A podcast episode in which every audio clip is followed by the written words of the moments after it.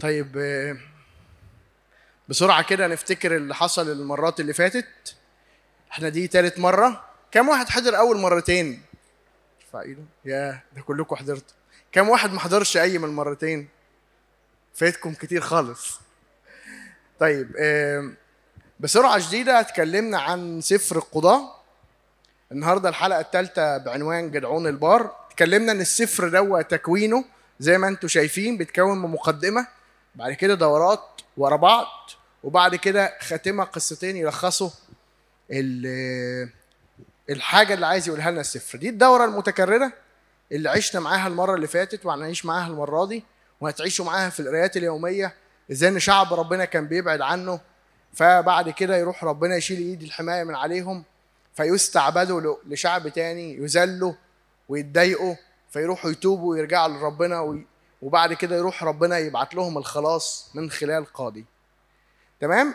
دول القضاة اللي عدوا علينا الوقت اللي فات والمفروض نكون في القراءات اليومية عدينا عليهم عثنيائيل يهود شمجر دبورة. في الوقت اللي كان فيه دبورة درس المرة اللي فاتت كان معاها براق. نتكلم النهاردة عن قضاء مع شخصية جديدة مع قاضي جديد بنفس القصة المتكررة. القاضي الجديد هو جدعون زي زي كل الحلقات اللي فاتت الأربع حاجات بتوع الدورة بيحصلوا إن هم يتركوا ربنا يذلوا يرجعوا لربنا يبعت لهم الخلاص جدعون هو واحد من. من أفراد سبط منسى وإزاي هنشوف إنه كان أصغر واحد في البيت وعيلته كانت أصغر عيلة في السبط كل ال- القضاة اللي فاتوا خدنا سيرتهم بشيء كبير من السرعة بنعدي بسرعة كده عليهم ما بنقفش كتير جدعون هو قصة طويلة شوية عندنا ثلاث إصحاحات حوالي 100 آية بيحكوا قصة جدعون. وبنعمة ربنا المرة الجاية شمشون هنلاقي شمشون أطول واحد. جدعون وشمشون الكتاب بيفرض لقصتهم مساحة كبيرة. عشان كده أبونا هيفرض لنا مساحة أكبر من الوقت. تمام. بعكس كل القضاة اللي جت سيرتهم في آية أو باختصار شديد جدعون وشمشون هنلاقي جزء من التفاصيل. نبتدي مع بعض. عايز تقرأ من الشاشة؟ ماشي. عايز من خلال موبايلك أو كتابك المقدس؟ ماشي. قضاة ستة. هنقرأ من واحد لستة في أول جزء. وعمل بنو إسرائيل الشر في عيني الرب. البداية المعتادة يعني أول ما نقرأ الإصحاح في أوله إحنا مش مستغربين. هم ما كانتش حالتهم هايلة جدا وجاي دلوقتي يقول لنا عملوا الشر. إحنا الحكاية دي سمعناها كتير. وعمل بنو إسرائيل الشر في عيني الرب. فدفعهم الرب ليد مديان سبع سنين فاعتزت يد مديان على إسرائيل بسبب المديانين. عمل بنو إسرائيل لأنفسهم الكهوف التي في الجبال والمغاير والحصون. وإذا زرع إسرائيل كان يصعد المديانيون والعمالقة وبنو المشرق يصعدون عليهم وينزلون عليهم ويتلفون غلة الأرض إلى مجيئك إلى غزة. ولا يتركون لإسرائيل قوت الحياة ولا غنما ولا بقرا ولا حميرا لأنهم كانوا يصعدون بمواشيهم وخيامهم ويجيئون كالجراد في الكثرة. وليس لهم ولجم- ولجمالهم عدد ودخلوا الأرض لكي يخربوها. فذل إسرائيل جدا من قبل المديانيين وصرخ بنو إسرائيل إلى الرب. في الحقيقة كل مرة الكتاب كان بيحكي لنا القصة إن في شعب تاني بيذلهم ما كانش بيقول كل التفاصيل دي. لو جينا نرجع تاني في القصة هيقول لك إن المديانيين اعتزت إيديهم عليهم لدرجة إن الناس دي راحت في الكهوف. وإيه تاني؟ والمغاير وإيه تاني؟ والحصون. الكتاب بيجيب ثلاث أماكن الناس دول عملوهم شعب ربنا عشان يستخبوا. وكلمة الكهوف دي لما تروحوا كده اعملوا سيرش هتلاقوها ما جاتش في الكتاب العبري في العهد القديم ولا مرة. ولا مرة في الكتاب يقول لنا كلمة الكهوف غير المرة دي. والعهد الجديد حتى في, النسخة العربي بتاعته كلمة كهوف ما جاتش ولا مرة غير المرة دي. ده يقول لك إزاي المديانيين كانوا شداد قوي. في القصص اللي قبل كده كان بيقول إن حصل ذل لكن ما كانش بيحكي تفاصيل. المديانيين دول كانوا جايين للخراب. عارفين لما واحد يبعت لك واحد ينغص عليك حياتك دول كان هدفهم ينغصوا حياة شعب إسرائيل. كانوا يجوا يبوظوا الأرض ويمشوا. مش كانوا يبوظوها أو يسرقوهم وياخدوا الحاجات بتاعتهم. كانوا يجوا يبوظوا الأرض ويمشوا. ما كانوش بيسيبوا لهم قوت الحياة ولا الغنم ولا البقر ولا الحمير. دمار شامل. كانوا يجوا كده وكان عاداتهم زي الجراد. وكانوا يجوا بخيامهم وجمالهم. وبالمناسبة بحسب ما قريت يعني آه، كانوا بيقولوا إن الوقت ده والناس دول المديانين دول أول ناس يستخدموا الدواب في الحرب في الوقت ده. والله أعلم يعني أكيد المصريين أكيد سبقوهم. لكن آه، كان بحسب الشاهد ده الجمال. آه كانوا بيقولوا إن دول أول مرة يستخدموا الجمال في الحرب. الله أعلم آه، ده صح ولا غلط. لكن حتى الكتاب بيقول لنا قد إيه كانوا عزاز وكانوا شداد. وقد إيه ذلوا الأرض وذلوا شعب إسرائيل. المفروض لما كان يخلص الإصحاح الرابع بقصة دبورة والنشيد اللي أنشدته كنا نلاقي البداية إن الشعب ده بيرجع ويتوب في علاقته بربنا ويبتدي يتحمس تاني من جديد. الحقيقة دي قصة إن الشعب عمل الشر مرة رابعة أو خمسة في عينين ربنا. لو جينا نبص علينا إحنا هل إحنا في كل مرة بنقدم توبة وبنرجع لربنا بناء عن موقف صعب أو عن ظروف أو عن أي حاجة. هل لما الظروف دي بتخلص هل لما المشاكل بتخلص وبنرتاح ولو حتى نسبيا بنرجع لربنا؟ ولا حياتنا إحنا زي حياتهم عبارة عن سلسلة من الدورات المتكررة إن إحنا نسيب ربنا؟ الحقيقة المشهد ده محتاج وقفة محتاج أقف وراجع تاني علاقتي بربنا. هل بعد ما برتاح بعبده وبتشجع في عبادته وبسبحه وبغني له وبشكره ولا برجع تاني خمس خطوات لورا. للأسف الشعب ده بحسب ما السفر بيقول لنا إن هم كانوا بعد ما يرتاحوا كانوا بيرجعوا وينسوا ربنا. وزي ما قلت لكم المشهد ده اتكرر قبل كده وهيتكرر تاني بعد كده. مديان دي كانت حتة في جنوب أدوم والمديانيين دول جماعة شبه بدوية. دول من نسل إبراهيم وقطورة يعني دول كانوا قرايب إسرائيل ما كانوش بعاد عنهم.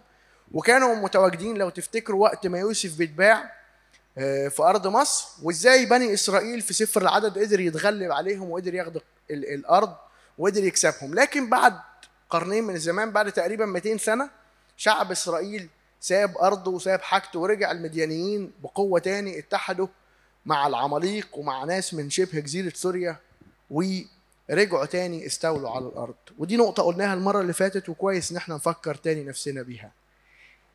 شعب ربنا خدوا الأرض دي ولما تهاونوا الأرض اتاخدت منهم تاني.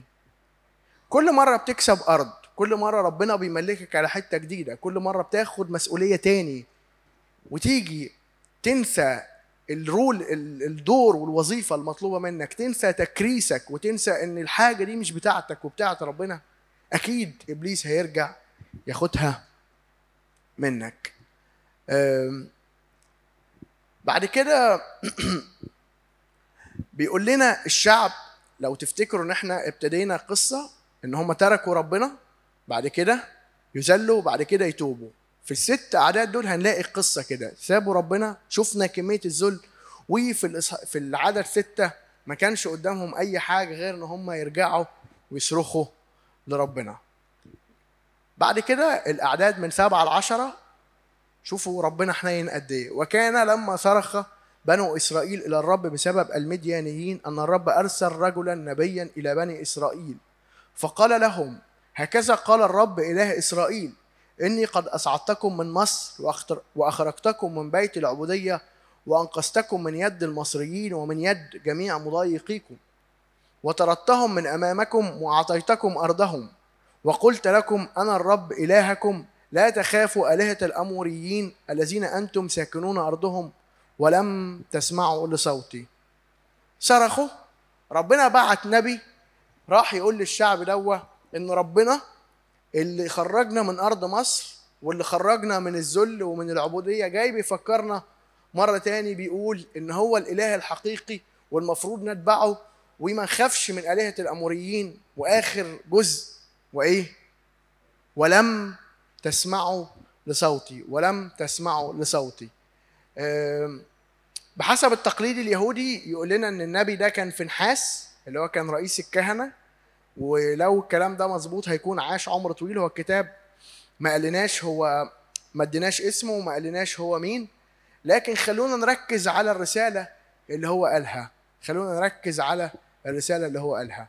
الرسالة اللي قالها بتفكرنا قبل كده بالجزء ده اتكرر كتير. أنا الرب إلهك اللي طلعتك من أرض مصر أرض العبودية. سواء لو تفتكروا ملاك الرب لما ظهر في بوكيم في قضاة اتنين كانت دي من ضمن الرسائل اللي جاي يقولها إن هو الرب اللي خرجنا من أرض مصر أو اللي خرج الشعب ده من أرض مصر. في ملوك التاني هنلاقي برضه فكرة إن ربنا بيدعو إسرائيل إنه يتبعه عشان هو اللي خرجه من أرض مصر. وكأن آه، ربنا بيقول لهم أنتوا لازم تتبعوني عشان أنا ميزتكم. ميز ربنا ميز الشعب ده في إيه؟ اول حاجة ان هو خلصهم من العبودية ومن أرض مصر ودي كانت النقطة اللي بيعتبرها كل الأنبياء تقريبا بتوع العهد القديم انطلاق إن إن إسرائيل دوا أو عيال يعقوب أو أولاد إبراهيم يكونوا شعب لله. النقطة دي نقطة محورية جدا. رحلة الخروج وتاني حاجة إن الله إداهم إداهم الناموس. وكان جوهر الناموس طبعا بالنسبة لليهود هو الوصايا العشرة هنلاقيها في خروج 20 وتثنيه خمسة. ده بالنسبة لهم هو هم. بالنسبة لنا إحنا لو جينا نقارن نفسنا بيهم زي ما ربنا خرج اليهود من أرض مصر ربنا خرجنا إحنا من ذل إبليس وإزاي بتجسده الحاجز المتوسط نقضته والعداوة القديمة هدمتها. إزاي؟ بقي لينا قرب ودل مع الله. زي ابونا في القداس لما بيصلي صلاة الصلح بيفكرنا بعمل المسيح وقت التجسد وقت الصليب وقت القيامة وقت الصعود وقت إرسال الروح القدس إن إحنا بقينا شعب الله مميز. إحنا مش زي أي حد. إحنا نقدر نصلي ونقول نشكرك لأنك اديتنا السلطان إن إحنا ندوس الحيات والعقارب وكل قوات العدو. إحنا عندنا سلطان وعندنا مميزات وعندنا إمكانيات إن إحنا أولاد ربنا. عندنا مواهب روحية وإمكانيات روحية خدناها في كل الأسرار. إحنا اتولدنا من رحم الكنيسة. إن إحنا دشنا وخصصنا بالميرون عشان نكون هيكل لربنا. إن إحنا مدعوين كل يوم إن إحنا نتحد مع الله في الإفخارستية. لو جيتوا تبص على أي حد من من من خلفية غير مسيحية هو غايته كلها في عبادته إنه يتقرب إلى الله. إنه يبقى قريب ولو بمسافة وهو مع ربنا. تيجي تقول له أنا جاي أتحد بربنا دي حاجة بعيدة قوي. يعني إيه أنت تتحد بربنا؟ مش عايز أقول لكم الديانات بتاعة شرق آسيا وكده عندهم مرحلة اسمها النيرفانا. النيرفانا دي حد هنا اسمه نيرفانا؟ عندنا نيرفانا. زي المرحلة دي لما بيوصل الإنسان ويعرف ربنا ويجتهد في العبادة والصلوات والتضرع والخشوع وإزاي خلاص هيقرب قوي لربنا ربنا ده حاجة كبيرة فالإنسان ده بيبتلع ما يبقالوش وجود. من كتر ما ربنا ده حاجة عظيمة ما ينفعش أنت تقرب له فأول ما تقرب منه أنت بتبتلع وتختفي. ويكمل ربنا وحده وأنت جواه وأي حد تاني وصل نفس المرحلة تاني زيك. إحنا مدعوين إن إحنا نتحد بالله. للأسف إحنا عندنا إمكانيات كتير على مستوانا الروحي وعندنا إمكانيات كتير على المستوى الذهني لكن مشكلتنا إن إحنا مش بنترجم الخبرات اللي إحنا نعرفها لحياة عملية. كم واحد يعرف إنه لما بيتناول جسد الرب ودمه بيتحد بالمسيح كلنا؟ أعتقد كلنا نعرف معلومة مش جديدة ومش أنا اللي جاي بقول حاجة كده ما حصلتش قبل كده. لكن كم مرة فكرنا يعني إيه معنى اتحادنا بربنا؟ يعني إيه شركتنا؟ يعني إيه أبونا يقف في القداس يقول لك محبة الله الاب والشركة والنعمة وتكون معانا. إيه المفاعيل اللي لينا دي وإحنا مش بنفكر فيها؟ الحقيقة رسالة النبي ما كانتش حاجة جديدة برضه ليهم إن هو جاي يقول لهم ده ربنا خرجكم من أرض مصر لكن جاي يفكرهم قد إيه إلههم قوي وإلههم شاطر وإلههم قادر إن هو يطلعهم من الذل ومن العبودية. مش بس كده ربنا ميزكم إن أنتوا اداكم التوراة وإحنا ربنا ميزنا إن إحنا ادانا كلمة ربنا. أعتقد إن كل الناس اللي قاعدة وكل الناس المسيحيين اللي في أسيوط أعتقد كل واحد لديه نسخة خاصة من الكتاب المقدس وأعتقد لو البيت فيه خمس أفراد مثلا ممكن نخش البيت نلاقي عشر نسخ من الكتاب المقدس. زمان ما كانتش الطباعة أو النشر موجودة بهذا الكثافة. النهارده الكتاب المقدس في إيدينا وسهل نجيبه. دي ميزة إحنا مش مدركينها. إحنا مش مش مدركين النعمة اللي إحنا فيها من كتر ما إحنا متعودين ليها. كانت رساله النبي إن ربنا خلصكم من أرض العبودية وكانت رسالة لي- ليهم إن هو إداهم الناموس عشان كده لازم يتبعوه كشعب. ورسالة ربنا لينا إن إحنا ابنائه إن إحنا نستطيع إن إحنا نتحد بيه إن إحنا نخش في شركة معاه إن إحنا ننمو كل يوم لحد ملء إقامة المسيح لحد ملء إقامة المسيح. وفي نفس الوقت عندنا كلمة ربنا نقدر نلهك فيها نهار وليل. في الحقيقة المشهد دوا فكرني كده بمشهد كتير بقوله في حياتي. معرفش بتشاركوني في ده ولا لا. كتير نتعب وكتير تحصل لنا مشاكل كتير نضغط ونقول هو ربنا فين؟ life is unfair. كم واحد قال الجملة دي على الفيسبوك أو في سره؟ ممكن أرفع إيدي. بقولها على طول في جوايا الحياة غير عادلة. تبص تلاقي في مجالات الشغل ومجالات في الشارع كل الدنيا. الحياة مش دايما بتدينا الفرص مش دايما لكل مجتهد النصيب مش دايما اللي بيجري في الآخر هو اللي بياخد الميدالية في طرق ملتوية وفي حاجات من تحت وفي يعني أساليب كتير بتتقدم. لكن وكتير نقول إن إحنا مضطهدين ومقهورين ومظلومين. لكن الحقيقة ال- العدد عشرة يقول لنا ولم تسمعوا لصوتي. أنتوا ما سمعتوش صوتي. ربنا مش بيساومنا أو مش جاي يقول لنا لو أنت ما سمعتش كلامي أنا هعمل لك كذا. مش دي الطريقة.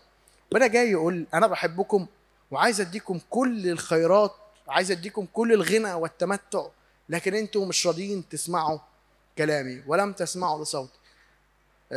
أعتقد من أكتر المشاكل اللي كانت بتواجه جيلي وإحنا في سن الشباب هو كيف أسمع صوت الله. معرفش هل ما زالت ال- القضية دي شائكة وموجودة وأعتقد هتفضل في الأجيال اللي كانت قبلينا وفي اللي بعدينا يعني. هو أنا إزاي أسمع صوت ربنا؟ هو أنا إزاي أتعرف على مشيئة ربنا؟ هو أنا إزاي أميز الاختياري بتاع ربنا؟ هرد عليكم بإجابة مقتضبة ممكن ما تريحش جميعكم يعني. عايز تسمع صوت ربنا وعايز تعرف اراده إرادته؟ هو قال- قالها صراحة. إن إرادة الله إيه؟ هذه إرادة الله قداستكم.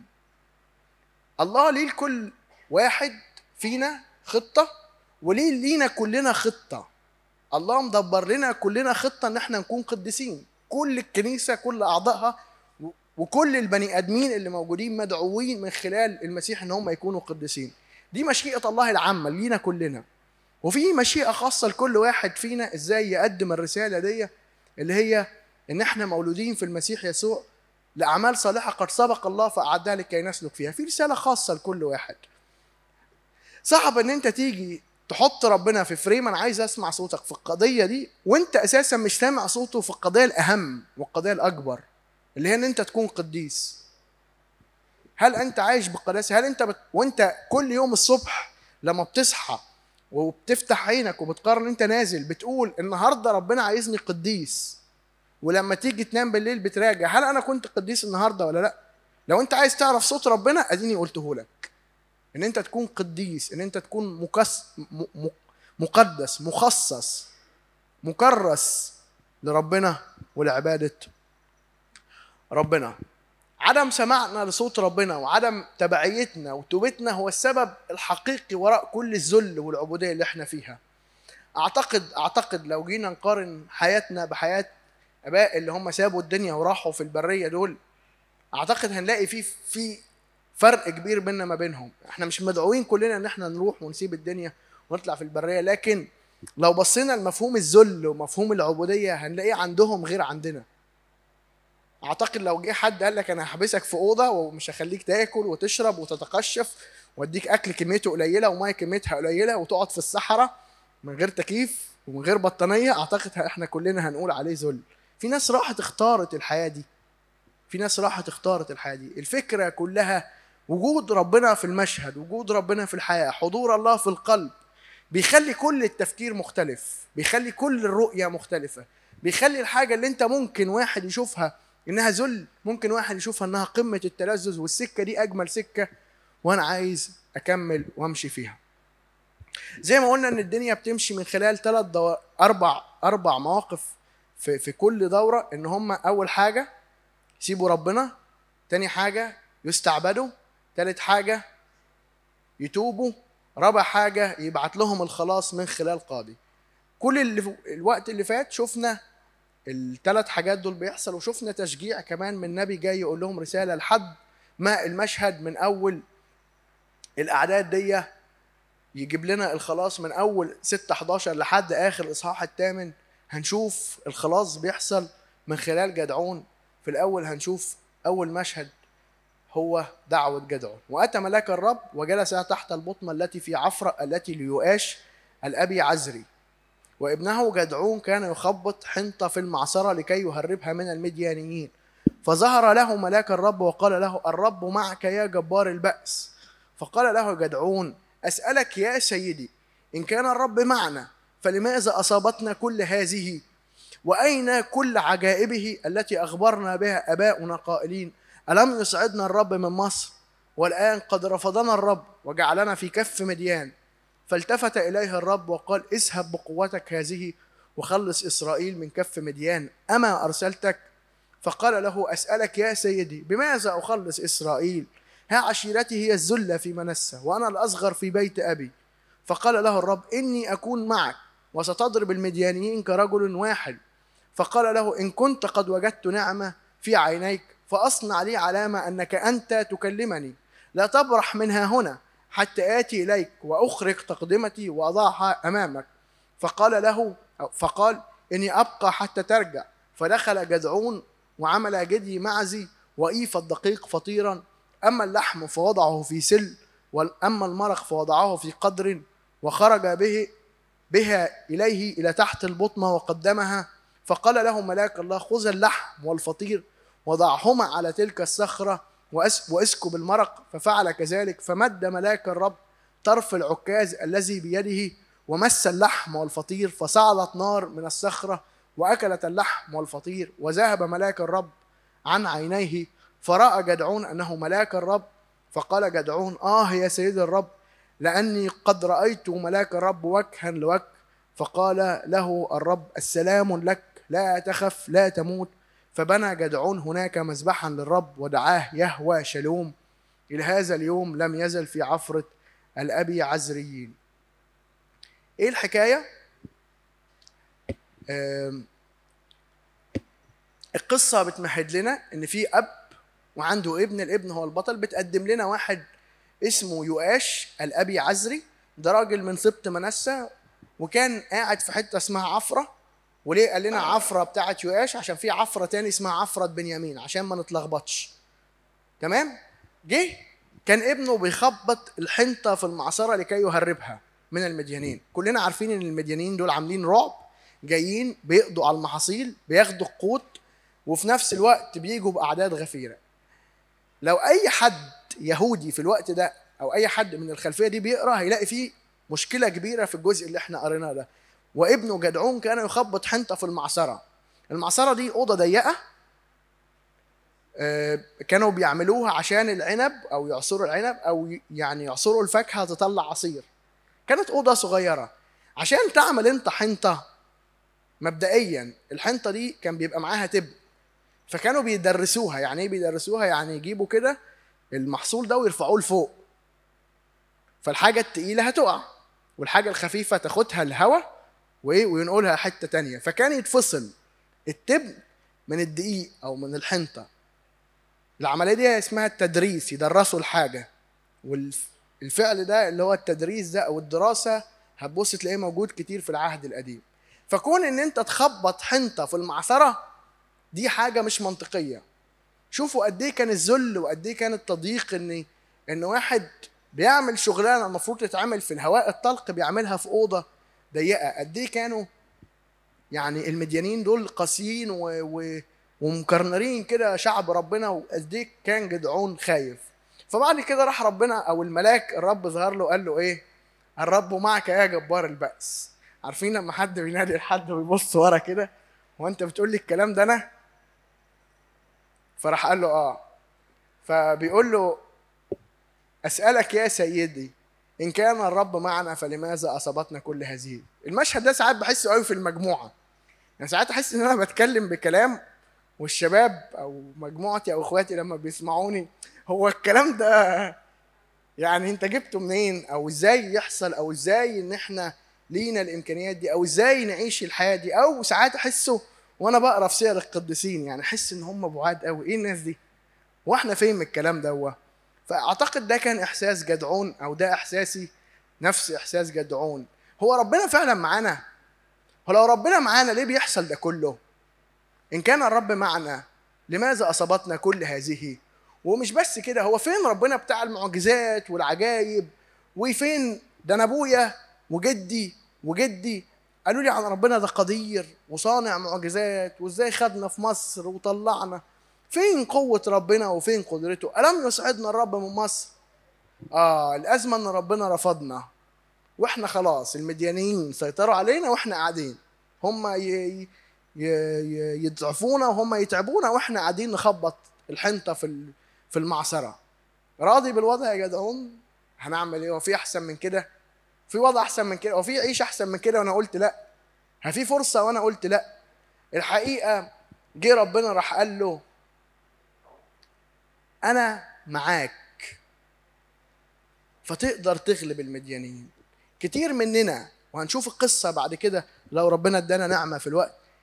هنشوف القصة بعد كده إن ربنا لما قال له أنا معاك دي حاجة كبيرة قوي. عارفين لما تقابل حد في الشارع كده تقول له أنا مضغوط شوية وعندي شوية مشاكل فيقول لك إيه؟ ربنا معاك يا حبيبي ما تخافش. فتحس اللي هي إيه مسكن كده. عادي يعني أي حد أنت ربنا معاك. كلمة ربنا معاك دي كلمة كبيرة قوي. عارفين يشوع في مطلع السفر اللي يفتكر ربنا قال له إيه؟ تشدد وتشجع أنا معاك. الرب معك يا جبار البأس. كلمة ربنا معاك وإيماني إن ربنا معايا وجوايا يخلوني أشوف الحياة بمنظور مختلف يخلوني أجتاز المواقف منظور مختلف يخلوني أشوف في الواقع بتاعي بمنظور مختلف. يخلوني أخش المعركة وأنا عارف إني هكسب. مش عارف إني هخسر. يخلوك تخش تواجه الخطية مش عشان أنت قوي. إحنا أقل خطية ما نعرفش نقف قدامها. لكن أبونا يقدر يخلينا نغلب أي حاجة. أبونا يقدر يخلينا نجتاز أي حتة كنا ضعفنا فيها أو اتغلبنا فيها أو اتذلينا فيها. أو اتذلينا فيها. طبعا أكيد كلكم عارفين إن ملاك الرب هو أحد ظهورات الأقنوم الثاني الكلمة في العهد القديم وده حتى هيبان من الحوار اللي دار بينه وما بين جدعون لأن بعد كده جدعون قال له أدوناي.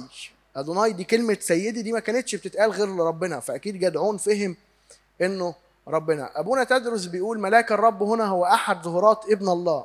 هذا واضح من قوله لجدعون أما أرسلتك إني أكون معك. ده مش ملاك عادي لأن الملاك ما بي لا يرسل أنبياء أو قضاة من عنده ولا يقول أنا أكون معك. إنما هذه كلمات ابن الله الذي يعلن معيته مع رجال الله وقد دعي ابن الله. الملاك ده ملاك العهد أو ملاك الحضرة. زي ما شفناه وزي ما تاني هنشوفه في قصة منوح هي أحد ظهورات إقنوم الكلمة في العهد القديم. وعشان كده جدعون قال له أدوناي وعشان كده بعد ما هو قدم التقدمة والملاك صعد فكر جدعون قال إن أنا هموت عشان أنا رأيت الرب وجها لوجه لأن كان في حديث لله مع موسى قال له إيه لا يقدر أحد أن يراني ويعيش فكان المفهوم كله إن أنا لو شفت الله هموت فراح ربنا طمنه وقال له ما تخافش أنت مش هتموت. فراح عمل مذبح وسماه يهوه شالوم يعني الرب أو الله سلامي. حقيقة المشهد ده لازم نقف عنده. تخيل تخيل. جدعون دوه من ربع ساعة فاتت واحد داخل معصره يستخبى ويخبط الحنطة في مكان ظروفه صعبة عشان خايف من ناس اسمهم الم- المديانيين بعدها بشوية صغيرين يروح مسمي المكان دوه يهوى شالوم. الحقيقة عايز أقول لكم كلامنا عن الله وخبرتنا معاه مش هو الكلام اللي هو المفروض يكون بالنسبة لنا كلام ساذج. هل الله يد ينفع يدينا سلام؟ ينفع أكون في موقف صعب ومضغوط وعندي مشاكل وبلغة العالم كده عندي مصايب الدنيا كلها متكربسة فوق دماغي وينفع يكون ليك سلام؟ مش بس ينفع يكون ليك سلام ينفع تبني أنت مسبح بإيدك وتسميه يهوى شالوم تسميه الرب والله سلامي. مشكلتنا في كتير في علاقتنا مع ربنا إن إحنا بنسمع الكلام ده وبنقراه وياما قرينا سفر القضاء وياما هنقراه. لكن مش بنقف عنده مش بناكل الكلام. أو على الناحية التانية مش بناخد مواقف مع الله. كان ليا صديق كده عزيز قوي كان طول الوقت كان لازم ياخد موقف من ربنا. كنا كان معايا في ال section هو فكان ممكن يجي وإحنا كده في نص ال section يقول لك طب أنا هاخد بريك دلوقتي. يروح يقول لربنا شكرا تعبتك معايا. شكرا إنك وقفت. كلمتين كده يروح يقولهم له غمض عينيه ويرجع. وكان يجي في وقت تاني يقول لي أنا بص أنا وربنا إحنا على خلا- خلافات جامدة مع بعض. عشان هو وعد كذا وعد وما نفذش. فأنا مستنيه. ينفذ يا هتبقى زعلة كبيرة. فكنت بستعجب. إيه علاقة يعني هو بيعامل الله إزاي؟ في في بينهم علاقة في بينهم ود. كنت بحكي مع مجموعتي. في المرات اللي فاتت كنت بقول لهم ساعات كتير بنتعامل مع ربنا عارفين برنامج من سيربح المليون؟ الناس تعرفه ولا في ناس؟ هو قديم شوية. كان في حاجة اسمها وسائل مساعدة كده كانوا ثلاثة بتختار واحدة وقت الزنقة. فقلت لهم كتير بنتعامل مع ربنا بوسيلة المساعدة إن الله ده أجيبه في وقت زنقة وقت عوزة وقت امتحان وقت مصيبة وقت انترفيو عشان إيه؟ الدنيا تمشي ونلملم الدنيا وإيه؟ ونعدي. لكن مش بتعامل مع الله بتفاعل. مش طول الوقت هو موجود معايا مش طول الوقت هو صديق ألزق من الأخ مش طول الوقت هو جوايا مش طول الوقت في حوار داير بيني وبينه مش طول الوقت في مشاركة مش طول الوقت في فرح بشكره في حزن باجي أقول له يا رب أنا عندي مشاكل تعالى احضر معايا في مشكلتي تعالى حل لي المشكلة مش أنت حلال المشاكل. أنا هستنجد بيك أنت ومش هكلم أي حد في الدنيا. أنا حاسس بوحدة حاسس محدش بيكلمني أنا حدش محدش من أصحابي جنبي الوقت ده. ممكن تثبت لي إنك جنبي؟ ممكن ت... ت... ت... تأكد لي دوا أنا مش حاسس بوجودك جنبي أنا مش بقدر أشوفك وش لوش. لكن ممكن تيجي وتحتويني وتتعامل معايا. أفتكر كان في اجتماع صلاة لكلية هندسة ورحت حضرت معاهم مرة واحدة يعني. فكانوا بيتكلموا على الاجتماع اللي قبله اللي أنا ما حضرتوش يعني. فأفتكر واحد فيهم كان بيصلي كده وهو ساجد فكان بيقول لهم أنا كان نفسي أحس إحساس الاجتماع اللي فات. كان كان بيحكي بيقول وأنا كنت بصلي كنت راكع ومغمض عيني كنت متأكد إني لو فتحت عيني هشوف ربنا. هل هل علاقتنا مع الله فيها هذا الود وهذا القرب وهذه المشاركة؟ ولا لأ. جدعون اسمه جاي من أصل عبري اسمه جادة معناه المحارب أو المصارع أو الحاطب اللي بيجمع الحطب يعني أو اللي بيقطع بشدة. اسمه فيه قوة يعني مرتبط بقوة. والرب معك يا جبار البأس. كلمة جبار البأس دي جت في سفر القضاء عشان توصف رجلين. جدعون حد عارف التاني؟ يفتاح. آه. القديس جدعون بقى نشوفه إزاي شاف رمزيا المسيح في تقدمة جدعون جدعون لما ظهر له الملاك راح قال له من فضلك ممكن تستنى شوية؟ أنا هروح أحضر وليمة أو هحضر تقدمة وأجيبها لك. راح حضر التقدمة كان في فطير وكان في لحم. حطهم على صخرة وبيقدمهم راح الملاك بالعكاز. مس التقدمة دي وبعد كده اختفى عنه. شوف القديس أمبروسيوس بيشوف الموضوع ده إزاي. يرى القديس أمبروسيوس في جدعون رمزا للمسيح. فقد وجد تحت البطمة وكأنه تحت ظلال حكمة الصليب الخشبية الخشبة المحية وكان جدعون يخبط الحنطة بعصا. وكأنه كان يتنبأ فيما يفعله المخلص خلال التجسد العديد أن يتم بطريقة سرية. فالعصا جدعون كان بيخبط الحنطة بعصاية يعني بيفصلها كده هو بعصاية.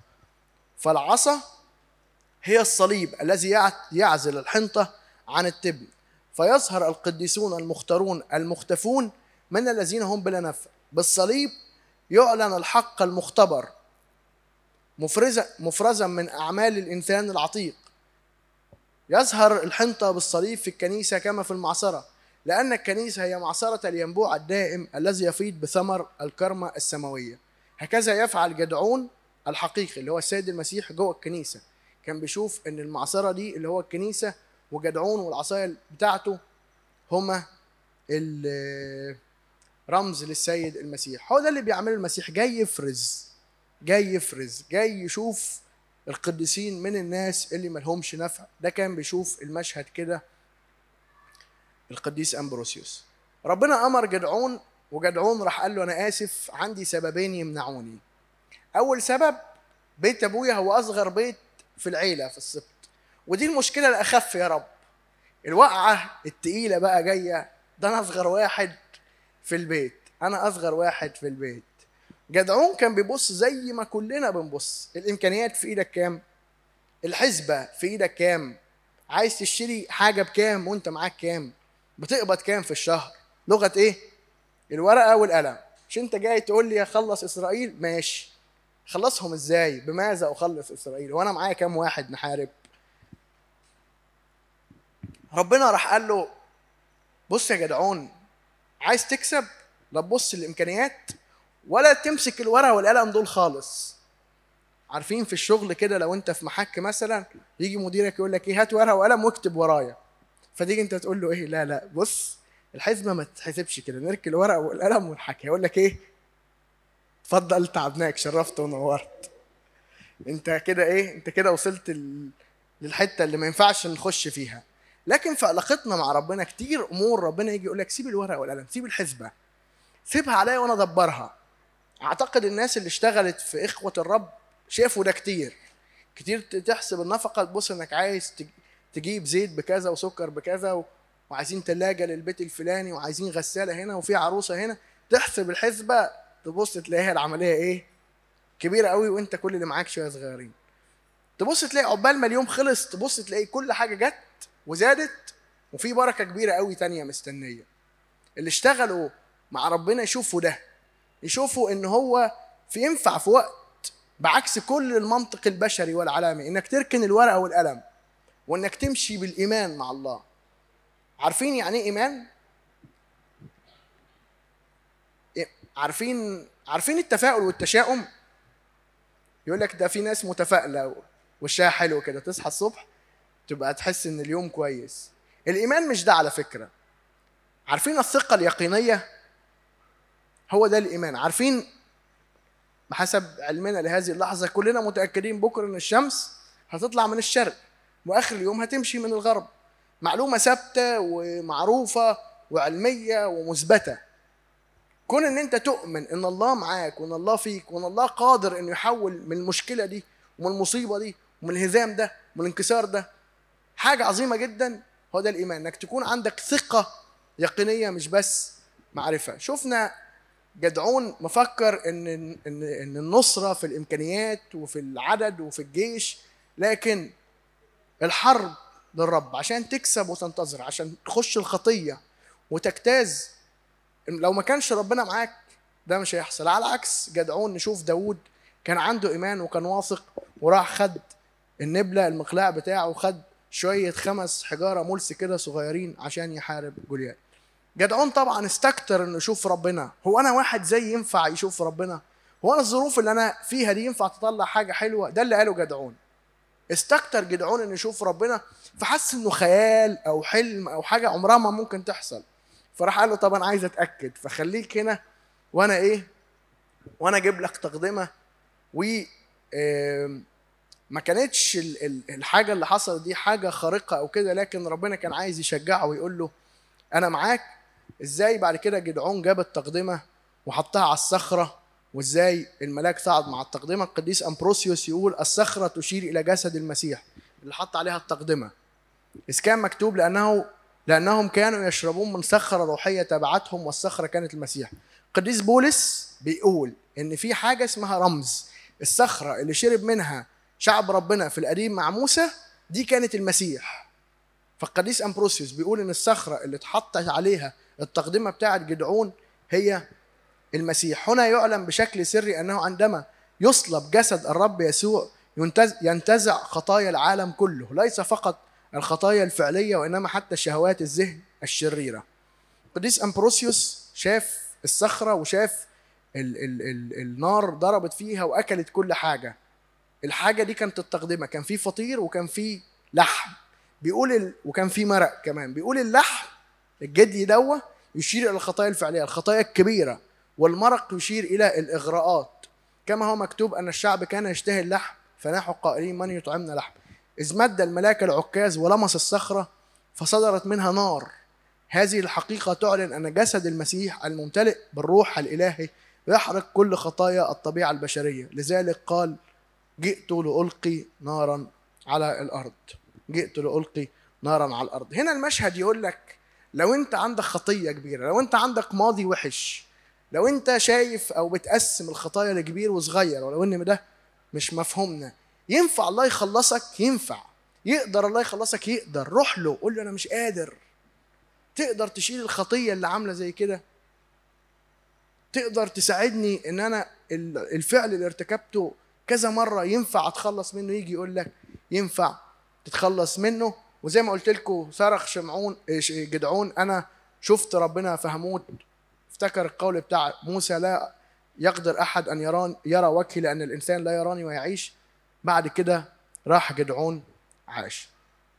جه بعد كده في الليلة اللي بعديها على طول بعد ما حصل الكلام دوة جه وكان في تلك الليلة أن الرب قال له خذ ثور البقر الذي لأبيك وثورا ثانيا ابن سبع سنين واهدم مذبح البعل الذي لأبيك. نتفاجئ. يؤاش الأبي عزري اللي هو أبو جدعون كان عنده مذبح للبعل. في البيت مش شرط البيت يكون الهاوس يعني أو حتى ممكن المكان اللي بتقعد فيه العيلة أو التجمع اللي العشيرة بتقعد فيه. في مذبح للوثن جوه مكان سكنك جوه مكان نومك جوه مكان انتقالاتك. اقطع السرية التي عنده ابني مذبحا للرب إلهك على رأس هذا الحصن بترتيب. خذ السور الثاني واصعد محرقة على حطب السارية التي تقطعها. فأخذ جدعون عشرة رجال من عبيده وعمل كما كلمه الرب. وإذ كان يخاف من بيت أبيه وأهل المدينة أن يعمل ذلك نهارا فعمله ليلا فبكر أهل المدينة في الغد وإذ بمذبح البعل قد هدم والسرية التي عندها قطعت والثور الثاني قد أصعد على المذبح. الذي بنى؟ فقال الواحد لصاحبه من عمل هذا الأمر؟ فسألوا وبحثوا فقالوا أن جدعون ابن يؤاش قد فعل هذا الأمر. فقال أهل المدينة ليؤاش اخرج ابنك لكي يموت لأنه هدم مذبح البعل وقطع السرية التي عنده فقال يؤاش لجميع القائمين عليه أنتم تقاتلون للبعل أم أنكم تخلصونه؟ من يقاتل له؟ يقتل في هذا الصباح. إن كان إلها فليقاتل لنفسه لأن مذبحه قد هدم. فدعاه في ذلك اليوم. أبوه سماه سمى جدعون يرب بعل قائلا ليقاتله البعل لأنه قد هزم مذبحه حقيقة اللي على طول ربنا جه كلم فيها جدعون بعد ما ظهر له وبعد ما قال له أنا هخلص إسرائيل ما قالوش يلا روح ابن الجيش يلا خد الجماعة يلا أعمل نداءات للأسباط ما قالوش أي حاجة من ده كله. قال له في أوثان في البيت لازم تشيلها. وكأنه بيقول له إذا ما شلتش الأوثان مش هنقدر نشتغل في موضوع الحرب. إذا ما انتصرتش انتصارك الشخصي جوه بيتك جوه نفسك مش هتعرف تنتصر خارجيا. وكأنه بيقول لنا مش هتعرف تخدم وانت مسبح الوثن لسه في بيتك. أو مش هتعرف تخدم وانت مسبح لإلهك مش جوه بيتك. مش هتعرف تتحرك وتنطلق في الخدمة وانت خلوتك ومخدعك واقعين وانت الإفخارستية بعافية حبتين ثلاثة مش هتقدر تخدم وتشهد للمسيح وتجيب له نفوس وانت علاقتك بيه مش كويسة. وانت مسبحك بايظ. أو في وسم بقى معشش جوه البيت في خطية محتاجة حركة في حاجة كبيرة جوه البيت محتاجة تتشال تتطهر. في الحال في حاجات خطيرة جدا لازم نتعامل معاها بسرعة وإلا مش هينفع ننطلق. مش هينفع تروح تخلص الشعب وأنت في وسم في البيت. من فضلك شيل الوسم من البيت. حتى ده نكلفك إنك هتعادي أهل بيتك.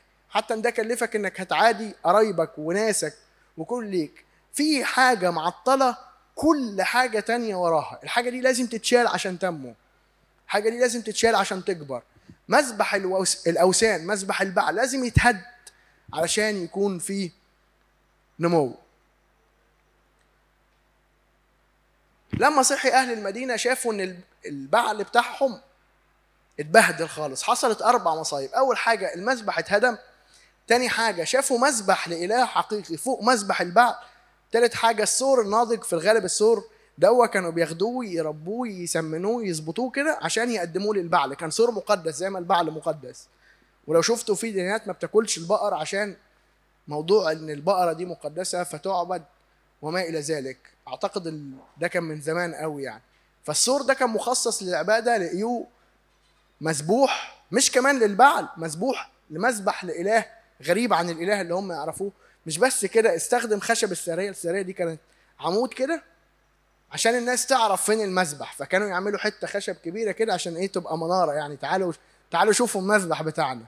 جدعون خدها وقطعها وعمل منها النار اللي قدم بيها ذبيحة لله. كتير حتت نبقى مغلوبين فيها وكتير حتت نقول أنا مش هقدر أروح المكان تاني. لكن يجي الله يقول لك أنا مش بس عايزك تروح المكان ده تاني عايزك تشهد لي فيه. أنا عايز كل مذبح حبت عليه بعل أو وثن في الحتة دي يكون مذبح ليا. يكون مذبح ليا. ينفع الحتة دي اللي أنا كنت فيها في أسوأ حالاتي أروح اخدم وبشر فيها؟ ينفع. ينفع. فاقد الشيء لا يعطيه. ده اللي بيقوله العالم. المسيح بيقول لك لو في حتة انت ضعيف فيها واقع فيها بكرة ينفع تبقى كارز إن النعمة تخلص من الحتة دي إن المسيح ينصر في الحتة دي. إن الخطية دي ينفع ننتصر عليها ونعمة المسيح فوق أي حاجة وأكبر من أي حاجة طلبوا إن هم يقتلوا جدعون أهل المدينة وراح ابوه قال هو البعل ده هيحامل روحه ولا إحنا اللي هنحامله؟ وراح سماه يرب بعل يعني عدو البعل. تخيلوا إحنا وإحنا بنفتكر جدعون ونسميه عدو البعل دلوقتي. يعني يا فخره الصراحة إن هو شهد له ان هو كان ضد الأوثان وضد إبليس وضد أعماله. محتاجين نرجع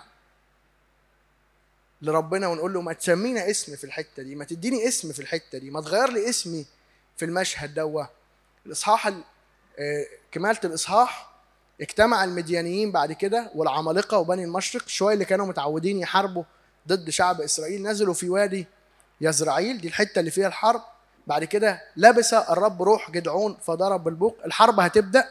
الأبواق كانوا زمان عشان يقولوا الحرب هتبتدي. فاجتمع أبي عذر وراءه وأرسل رسلا إلى جميع منسى فاجتمع هو أيضا وراءه وأرسل رسلا إلى أشير وزبولون ونفتالي فصعدوا لقائه بني إسرائيل بيجمع نفسه. منسى اللي هو يؤاش أبو جدعون وبيته أبي عذر. اتجمعوا وقالوا طب ما نبعت للناس باقي العشيرة في منسى يجوا جه باقي السبط. بعد كده بعتوا أشير وزبولون ونفتالي كلهم اتجمعوا. الحرب المفروض هتبدأ. راح جدعون قال لهم إيه؟ أنا عايز بس break كده. عايز أعتزل شوية. وقال جدعون لله جدعون راح يصلي. إن كنت تخلص بيد إسرائيل كما تكلمت. هيخش بقى في في في علاقة حميمية حقيقية مع ربنا. هيقول له أنت مش هتخلص إسرائيل بإيدي؟ طب أنا هطلب منك طلبين. أول طلب راح قال له فإني واضع جزة الصوف في البيدر. قماشه كده من الصوف. هحطها في البيدر فإن كان طلع على الجزة وحدها وجفاف على الأرض كلها علمت أنك تخلص بيد إسرائيل كما تكلمت. حط قماشة هنا. عايز ألاقي القماشة دي مبلولة وكل اللي حواليها ناشف. وكان كذلك راح ربنا عمل له كده أهو. فبكر في الغد وضغط الجزة وعصر طلا من الجزة. عصر القماشة دي راحت نزلت مية تملى قصعة ماء. فقال جدعون لله لا يحم غضبك علي فأتكلم هذه المرة فقط. امتحن امتحن هذه المرة فقط بالجزة. معلش ممكن طلب تاني نعمله بالجزة دي؟ ليكن جفاف في الجزة وحدها وعلى الأرض كلها ليكن طل. أنا عايز القماشة تبقى ناشفة وكل الحتة اللي حواليها مبلولة. ففعل الله كذلك في تلك الليلة فكان جفاف في الجزة وحدها وعلى الأرض كلها كان طل. راح ربنا عمل له دوه شوف القديس أمبروسيوس يقول الندى الذي على الجزه هو الإيمان. المية اللي بتيجي سواء على القماش أو على حتة الأرض دي الإيمان. لأن كلمة الله تنزل كالندى زي ما موسى بيقول يهطر كمطر تعليمك ويقطر كالندى كلامي. هكذا عندما كان العالم كله جافا بسبب الخزعبلات اللي كانت بتعملها الأمم غير المثمرة كان الندى الافتقار السماوي ينزل على الجزة. قديس أمبروسيوس بيشوف هنا حال البشرية. في العهد القديم ما كانش فيه أي إيمان وكل الشعوب بتعبد آلهة وثنية ما عدا شعب إسرائيل اللي هو حتة القماشة كان فيها طل كان فيها ندى كان فيها إيمان. بعد كده جه المسيح اتجسد فاسرائيل رفض ربنا. إسرائيل رفض ربنا والكنيسة قبلته اللي هي الأمم كل المسكونة بقيت ليهم علاقة بالمسيح وعرفوا المسيح والأمم بقوا يقبلوا ربنا وإسرائيل رفضوه. ده يقول لك إزاي إن الحتة كلها كانت مليانة بالمية اللي هو الإيمان وإزاي الجزة كانت ناشفة بعد كده. وبيشوف إزاي إسرائيل إن هم بعد ما سابوا ربنا هو كمان ما بقيش موجود معاهم. بعد كده بيتكلم على جزة البيدر دوا أو حطه في المكان بتاع البيت يقول لم يضع جدعون الجزة بغير مبالاة في حقل أو حديقة إنما وضعه في البيدر حيث يوجد محصول الحنطة. عشان يكون جدعون بيشاور على ربنا لما قال الحصاد كثير والفعلة قليلون. لأنه خلال الإيمان بالرب يوجد حصاد مثمر للفضائل في الكنيسة العتيدة. وكما يعلق أيضا على الماء الذي بالجزة إذ ملأ قصعة لم يستخدمه جدعون في أسل الأرجل إنما تركه للسيد المسيح وحده الذي جاء لا ليخدم بل لكي يخدم. إزاي القديس أمبروسيوس كان بيشوف في الجزة دي؟ ظهورات الابن في العهد القديم وهتلاقوا الجزة دي موجودة ومرتبطة بالأيقونة اللي عندكم على الغلاف. هتلاقوا إزاي الجزة بترمز للتجسد وهتلاقوا اللحن في الكنيسة البيزنطية وهتلاقوا جدعون حامل جزة ماء وهتلاقوا قصة ال هتلاقوا قصة الأيقونة موجودة عندكم. الصح اللي بعده؟ فبكر يا رباع أي جدعون وكل الشعب الذين معه ونزلوا على عين حرود الحتة اللي فيها الحرب. وكان جيش المديانين شمالهم عند تل مورة في الوادي وقال الرب لجدعون جدعون طلب كام طلب من ربنا؟ طلبين. شوفوا ربنا هيعمل إيه مع جدعون كام مرة.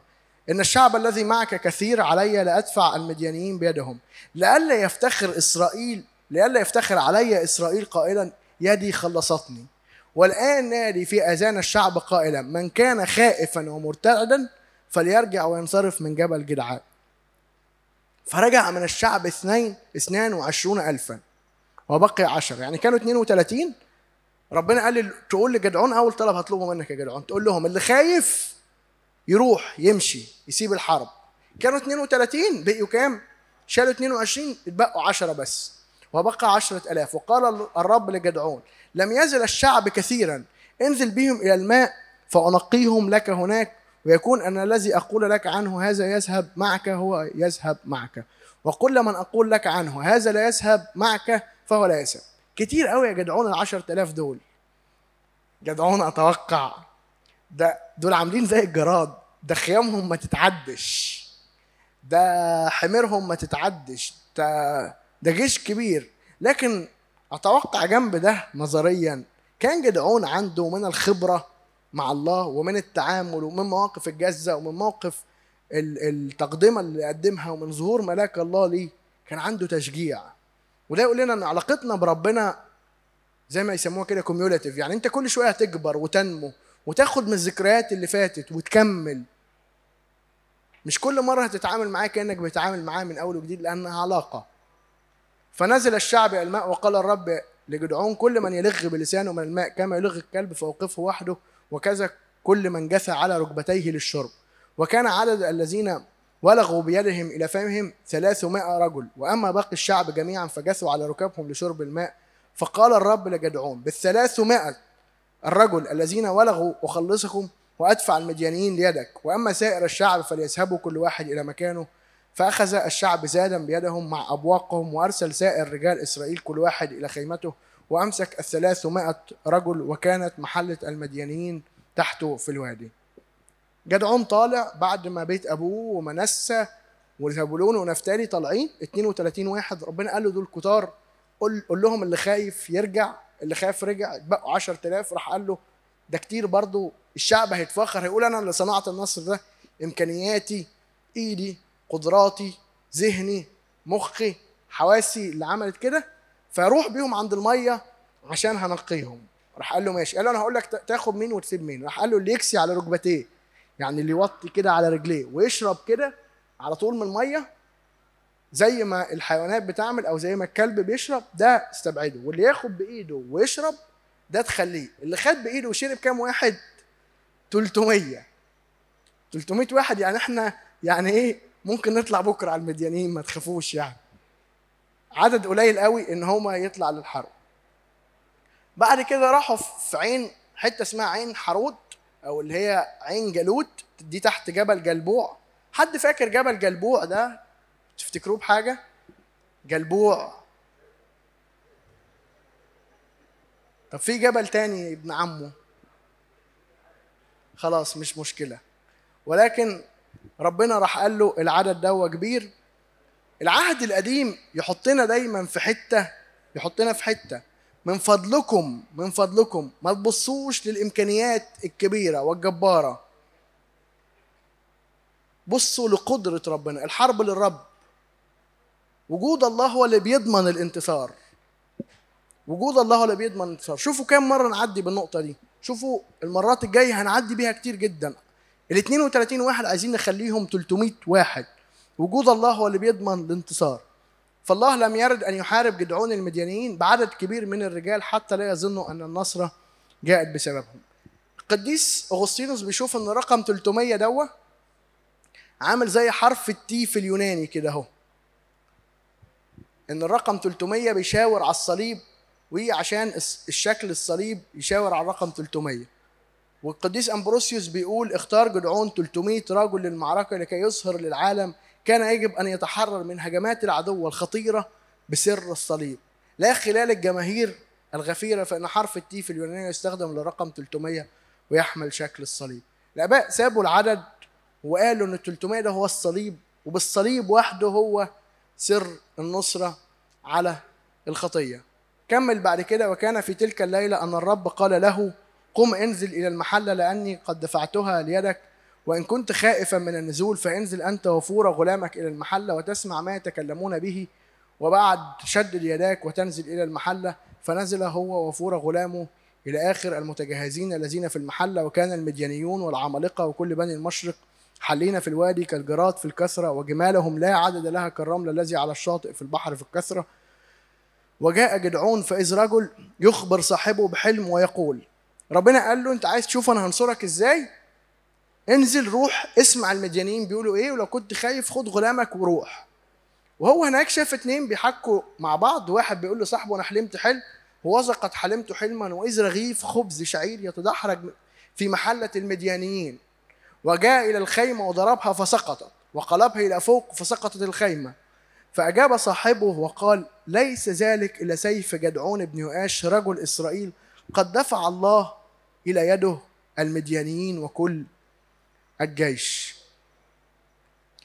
الراجل حلم إن في رغيف كتاب ما قالش رغيف وسكت. رغيف إيه؟ شعير. جاي من فوق كده هم كانوا بيحاربوا في سهل وفوقيه جبل جاي نازل من الجبل وراح ضرب الخيمة بتاعت مديان وقلبها. راح صاحبه قال له ده جدعون ربنا هيخليه يتغلب هتخليه يغلبنا وإحنا نغلب على إيدين شعب الله وشعب إسرائيل. ربنا اداله الوعد في حديثه مع جدعون عمل حاجتين. قال له وعد وقال له حاجة يعملها الوعد إن هو نصره والحاجة اللي يعملها إنه قم وانزل يروح للمحلة. والشعير دوة كان أرخص حاجة في فلسطين. عشان كده كانوا بيأكلوه للحيوانات. خبز رخيص وصغير سوري يعني ملوش قيمة قوي. وإيه؟ وبنأكله كده إيه؟ أبو بلاش ده زي الرغيف أبو خمس قروش إن شاء الله يعني. تمام؟ فإزاي إزاي الله كان بيكلم الناس غير المؤمنين من شعبه زمان بالأحلام؟ إزاي شافوا رغيف شعير ملوش لازمة ملوش قيمة مش الحاجة الغالية؟ إزاي هو اللي بيجيب الخلاص؟ وكأن الله بيقول للجدعون أنت ضعيف أنت ما عندكش إمكانيات أنت جيشك حيالله 300 واحد أنت كنت شايف إن ربنا مش موجود وربنا رفضك أنت شايف الإمكانيات بتقول كده؟ كل الإمكانيات اللي في إيدك عاملة زي رغيف الشعير لكن رغيف الشعير ده هو اللي هيغلب المديانيين كل مرة تبقى قدام مشكلة كل مرة تبقى حاسس إن إمكانياتك قليلة قوي افتكر المشهد ده. رغيف المديانيين هو اللي فاز وهو اللي انتصر. بعد كده وكان لما سمع جدعون خبر الحلم وتفسيره أنه سجد ورجع إلى المحلة إسرائيل وقال قوموا لأن الرب قد دفع إلى يدكم جيش المديانيين جدعون اطمن راح قال للناس يلا نحارب. قسم الثلاثمائة رجل إلى ثلاث فرق وجعل أبواقا في أيديهم كلهم وجرار فارغة ومصابيح وسط الجرار وقال لهم انظروا إلي وافعلوا كذلك وها أنا آتي إلى طرف المحلة فيكون كما أفعل أنكم هكذا تفعلون ومتى ضربت بالبوق أنا وكل الذين معي فاضربوا أنتم أيضا بالأبواق حول كل المحلة وقولوا للرب وجدعون فجاء جدعون والمائة رجل الذين معه إلى طرف المحلة في أول هزيع الأوسط وكانوا إذ ذاك إذ أقاموا حراس فضربوا بالأبواق وكسروا الجرار التي بأيديهم فضربت الفرق الثلاثة بالأبواق وكسروا الجرار وأمسكوا المصابيح بأيديهم اليسرى والأبواق بأيديهم اليمنى ليضربوا بها وصرخوا سيف للرب ولجدعون وقفوا في كل واحد في مكانه حول المحلة فرقد كل الجيش وصرخوا وهربوا وضرب الثلاث الثلاث المائتين بالأبواق وجعل الرب سيف كل واحد بصاحبه وبكل الجيش فهرب الجيش إلى بيت شطة إلى صردة حتى إلى حافة آبل محولة إلى طباة فاجتمع رجال إسرائيل من نفتالي ومن أشير ومن كل منسى وتبعوا المديانيين فأرسل جدعون رسلا إلى كل جبل إفرايم قائلا انزلوا للقاء المديانيين وخذوا منهم المياه التي ببيت بارة والأردن فاجتمع كل رجال إفرايم وأخذوا المياه إلى بيت بارة والأردن وأمسكوا أميري المديانيين غرابا وذئبا وقتلوا غرابا على صقرة غراب وأما ذئب فقتلوه في معصرة ذئب وتبعوا المديانيين وأتوا برأسي غراب وذئب إلى جدعون من عبر الأردن. بنتكلم على الله وعلى إنه واهب النصرة وعلى إنه هو بلا بدون نصرة. لكن على الناحية التانية ربنا كان قال لجدعون أنت ب 300 واحد هتكسب. أنت هتكسب الحرب دي.